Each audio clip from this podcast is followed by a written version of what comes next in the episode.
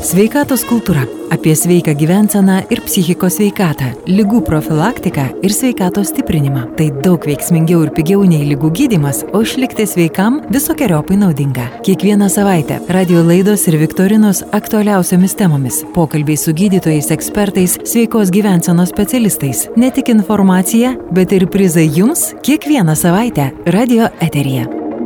Šiandien pas mus svečiuojasi vaikų chirurgas Benediktas Jonuška ir šiandien pakalbėsime apie vaikų traumas. Taigi pirmasis klausimas tau, Benediktai, būtų toks, kokios populiariausios vaikų traumos yra šiuo metu. Sveiki visi klausantis, tai jeigu kalbant apie vaikų traumas ir tikriausiai reiktų minėti daugiausiai vasarų traumas, tai top 3 šią praėjusią vasarą buvo aišku paspirtukai, batutai ir dviračiai. Ir tai yra dažniausios traumos šiltuoju periodu, o jeigu kalbam apie šaltąjį periodą, periodą, kai traumų sumažėja apie 2-3 kartus, tai aišku, dažniausiai yra traumos būtyje, tai parkrito, prasiskėlė kažkur, susimušė ir aišku, traumos mokykloje, kur praleidžia vaikai gana nemažai laiko, tai ar mokykla, ar darželis nesvarbu, bet ir ten gana nemažai traumuojasi. Tai kaip ir minėjau, vasarą tų traumų 2-3 kartus daugiau, nes aišku, vaikai aktyviau leidžia visą laisvalaikį, o žiemą traumų šiek tiek sumažėja, tačiau traumatizmas vis tiek vaikų išlieka nemažas. Paminėjai vasaros ir žiemos sezonus. Ar galima sakyti, kad atsiradusi šita naujovė, paspirtukai per keletą metų labai stipriai pakėlė aukštyn kartelę traumų vaikų būtent atžvilgių, ar visgi, sakykime, vaikai anksčiau rasdavo kitų būdų susitraumuoti. Nežinau, ar taip galima sakyti, bet žinokit, vaikai yra kaip žvaigždės, jie krenta ir tai yra natūralu ir tų traumų buvo visada, tačiau paspirtukai tik atsiradę šoviai prieki ir ypatingai elektriniai paspirtukai, kurie iš viso nėra rekomenduojami vaikam ir skaudžiausias tikriausiai praeitos vasaros traumos ir buvo būtent kritus nuo elektrinių paspirtukų, bet e, negaliu teikti, kad nebuvo tų kitų rimtesnių traumų prieš tai, bet iš esmės paspirtukai šovė iš karto į pirmaujančių trejetą ir viena iš pagrindinių traumų priežasčių būtent šiltuoju periodu, kai vaikai nori leisti kuo daugiau laiko laukia ir aišku paspirtukai e, yra tikriausiai numeris vienas ta praleidimo laisvalaikio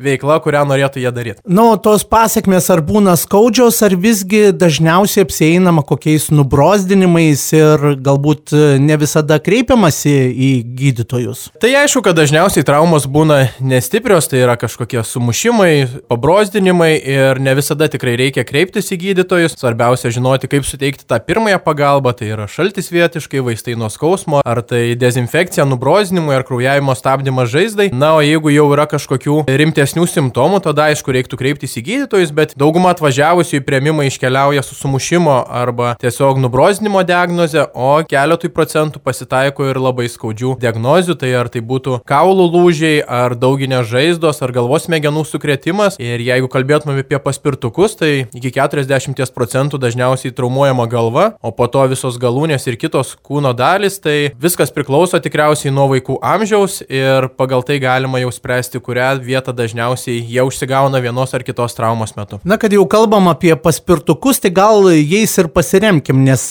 žiemą vis tiek irgi yra tų traumų su rogutėmis įvairiausių irgi kritimų ir taip toliau. Tai kokia turėtų būti ta pirmoji pagalba, kaip turėtumėm nustatyti, sakykime, būtiniam sąlygom, ar reikėtų jau su vaiku kreiptis į specialistus, ar visgi galima, na, bandyti savomis jėgomis tvarkyti žaizdas. Pirmiausia, būtina paminėti, kad skubi pagalba vaikams yra teikiama 48 valandas po traumos, tai tikrai iškart po traumos, jeigu nėra žymių simptomų, keliauti prieimimą nebūtina nebūtina, svarbu pirma pagalba, tai yra šaltis vietiškai, pakelta galūnės padėtis, nubrozinimo dezinfekcija ar tai žaizdos tvarstymas ir tuomet stebėti. O jeigu jau matom, kad yra deformacija ir įtariam lūžį, tinimas stipriai didėja, ar yra didesnė nei centimetro žaizda, ar turim kažkokių kitokių simptomų, tai ar būtų galvos smegenų sukretimo simptomai kaip sąmonės netekimas, vėmimas, traukuliai ar dar kažkas, ar tiesiog tėvam yra neramu, tuomet rekomenduojama keliauti prieimimą, kur atlikus visus tyrimus galima patikslinti diagnozę, ar tai tik sumušimas sumušimas, ar jau lūžis, ar rimtesnis sužeidimas, kas reikalautų specialaus gydimo, kuris suteikiamas būtent ligoniai. Tai dar kartą pasikartosiu, ta pirmoji pagalba yra šaltis vietiškai, pakelta galūnės padėtis, vaistai nuo skausmo ir aišku, nubrozinimo dezinfekcija, žaizdų tvarstymas, o tuomet, jeigu kyla klausimų, ar tai rimtesnė trauma ar ne, reikia keliauti į ligonę, kur specialistai jums atsakys į šios klausimus. Bet turbūt jeigu nėra atviro lūžio ar ten deformuota galūnė, kaip minėjai, tai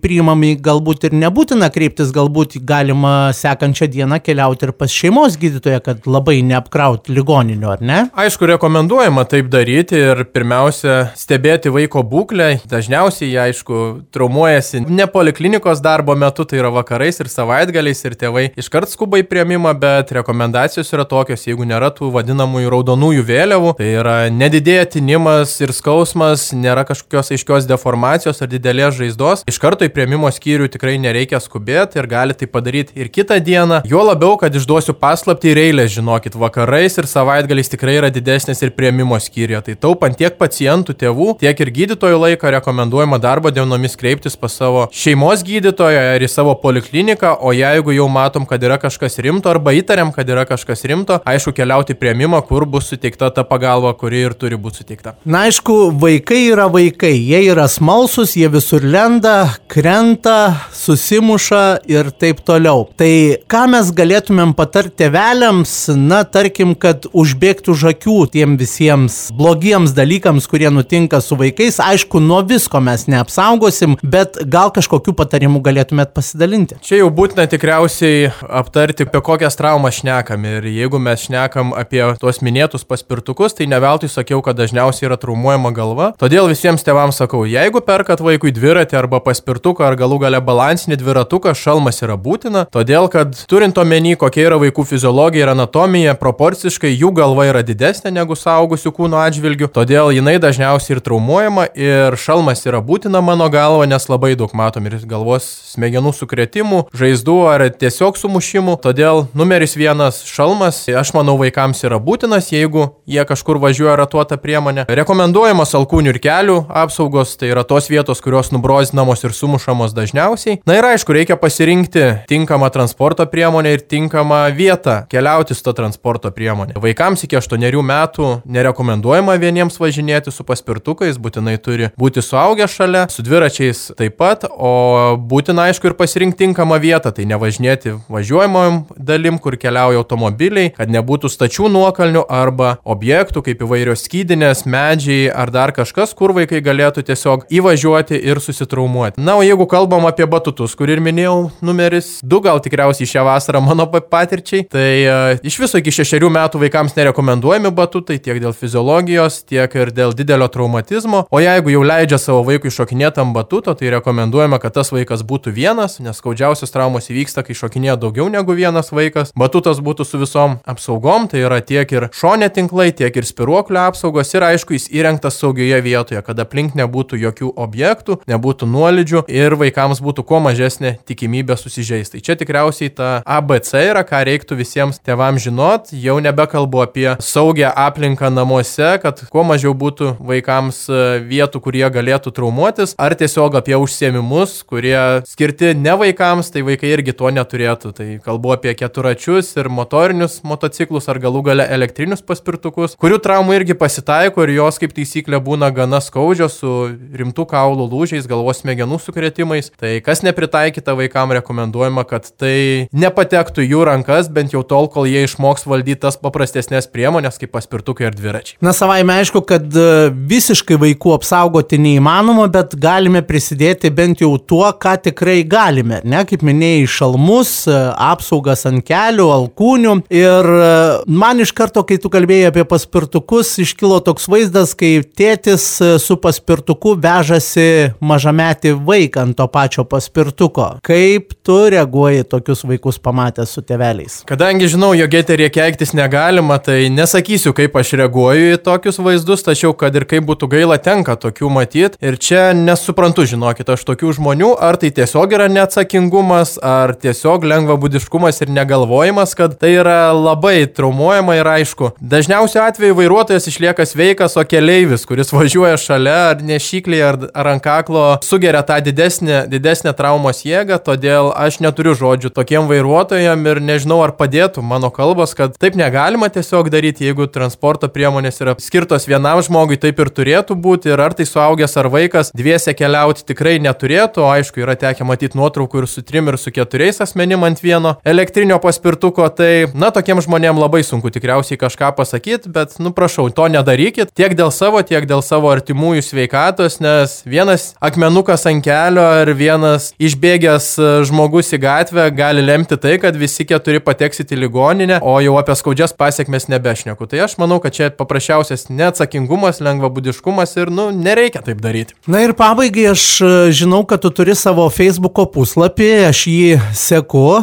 ir e, esu matęs labai senai, kad tu dalinaisi tokia labai keista trauma, na, kada tėvai kūdikius dar labai mažus mėgsta mesti tiesiog į orą ir pagauti juos. Na, tai atrodo labai linksma, juokiasi ir vaikas, ir, ir tėvai labai patenkinti, bet tu minėjai, kad tai gali baigtis tikrai labai tragiškai. Na čia jau kalbam apie gana retas traumas šiais laikais, bet tų traumų dar pasitaiko, tai yra sukrėsto vaiko sindromas ir čia kalbam apie tuos linksmus vaikų pamėtymus, ypatingai kūdikiams, tai yra žalinga, todėl kad galite įsivaizduoti, kad kūdikių smegenys yra lyg želė formos, jeigu atsidarytumėm kaukolę, rastumėm tokią želę, kuri labai lengvai gali būti sumušta ir bet koks galvos padėties pakeitimas, ypatingai kai kaklo raumenys dar nėra suformavę, gali lemti galvos smegenų sukretimą ir tą sukrėsto vaiko sindromą. Tai jeigu jūs išmetėt vaiką į viršų ir jisai krikštauja, juokiasi ir jam yra 8 metai, viskas yra tvarkoje, bet jeigu mes kalbam apie kūdikius, apie vienerių, dviejų metų vaikus, tai dažniausiai jie juokiasi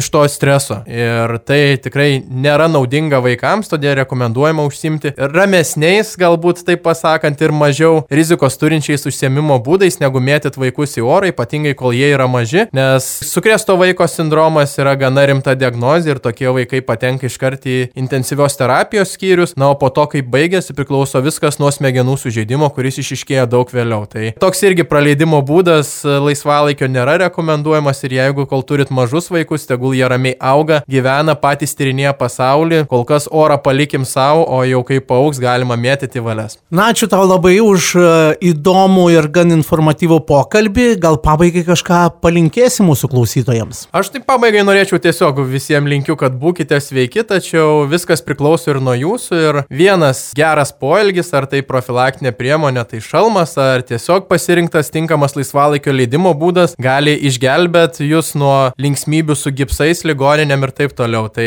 visada pagalvokit, ar tai yra saugu jūsų vaikui, ar tai yra skirta jūsų vaikui ir tikiuosi, kad traumų pavyks išvengti, na o jeigu ką, padėsim, kuo galėsim, bet to kviečiu visus sekti mane Instagram ir Facebook puslapiuose vaikų chirurgas, kur apie tai dalinuosi ko ne kasdien ir linkiu būti sveikiam. Taigi šiandien mes kalbėjome su vaikų chirurgu Benediktu Jonuška. Radio laidos sveikatos kultūra sukurtos bendradarbiaujant su Lietuvos Respublikos sveikatos apsaugos ministerija ir finansuojamos Europos socialinio fondo lėšomis.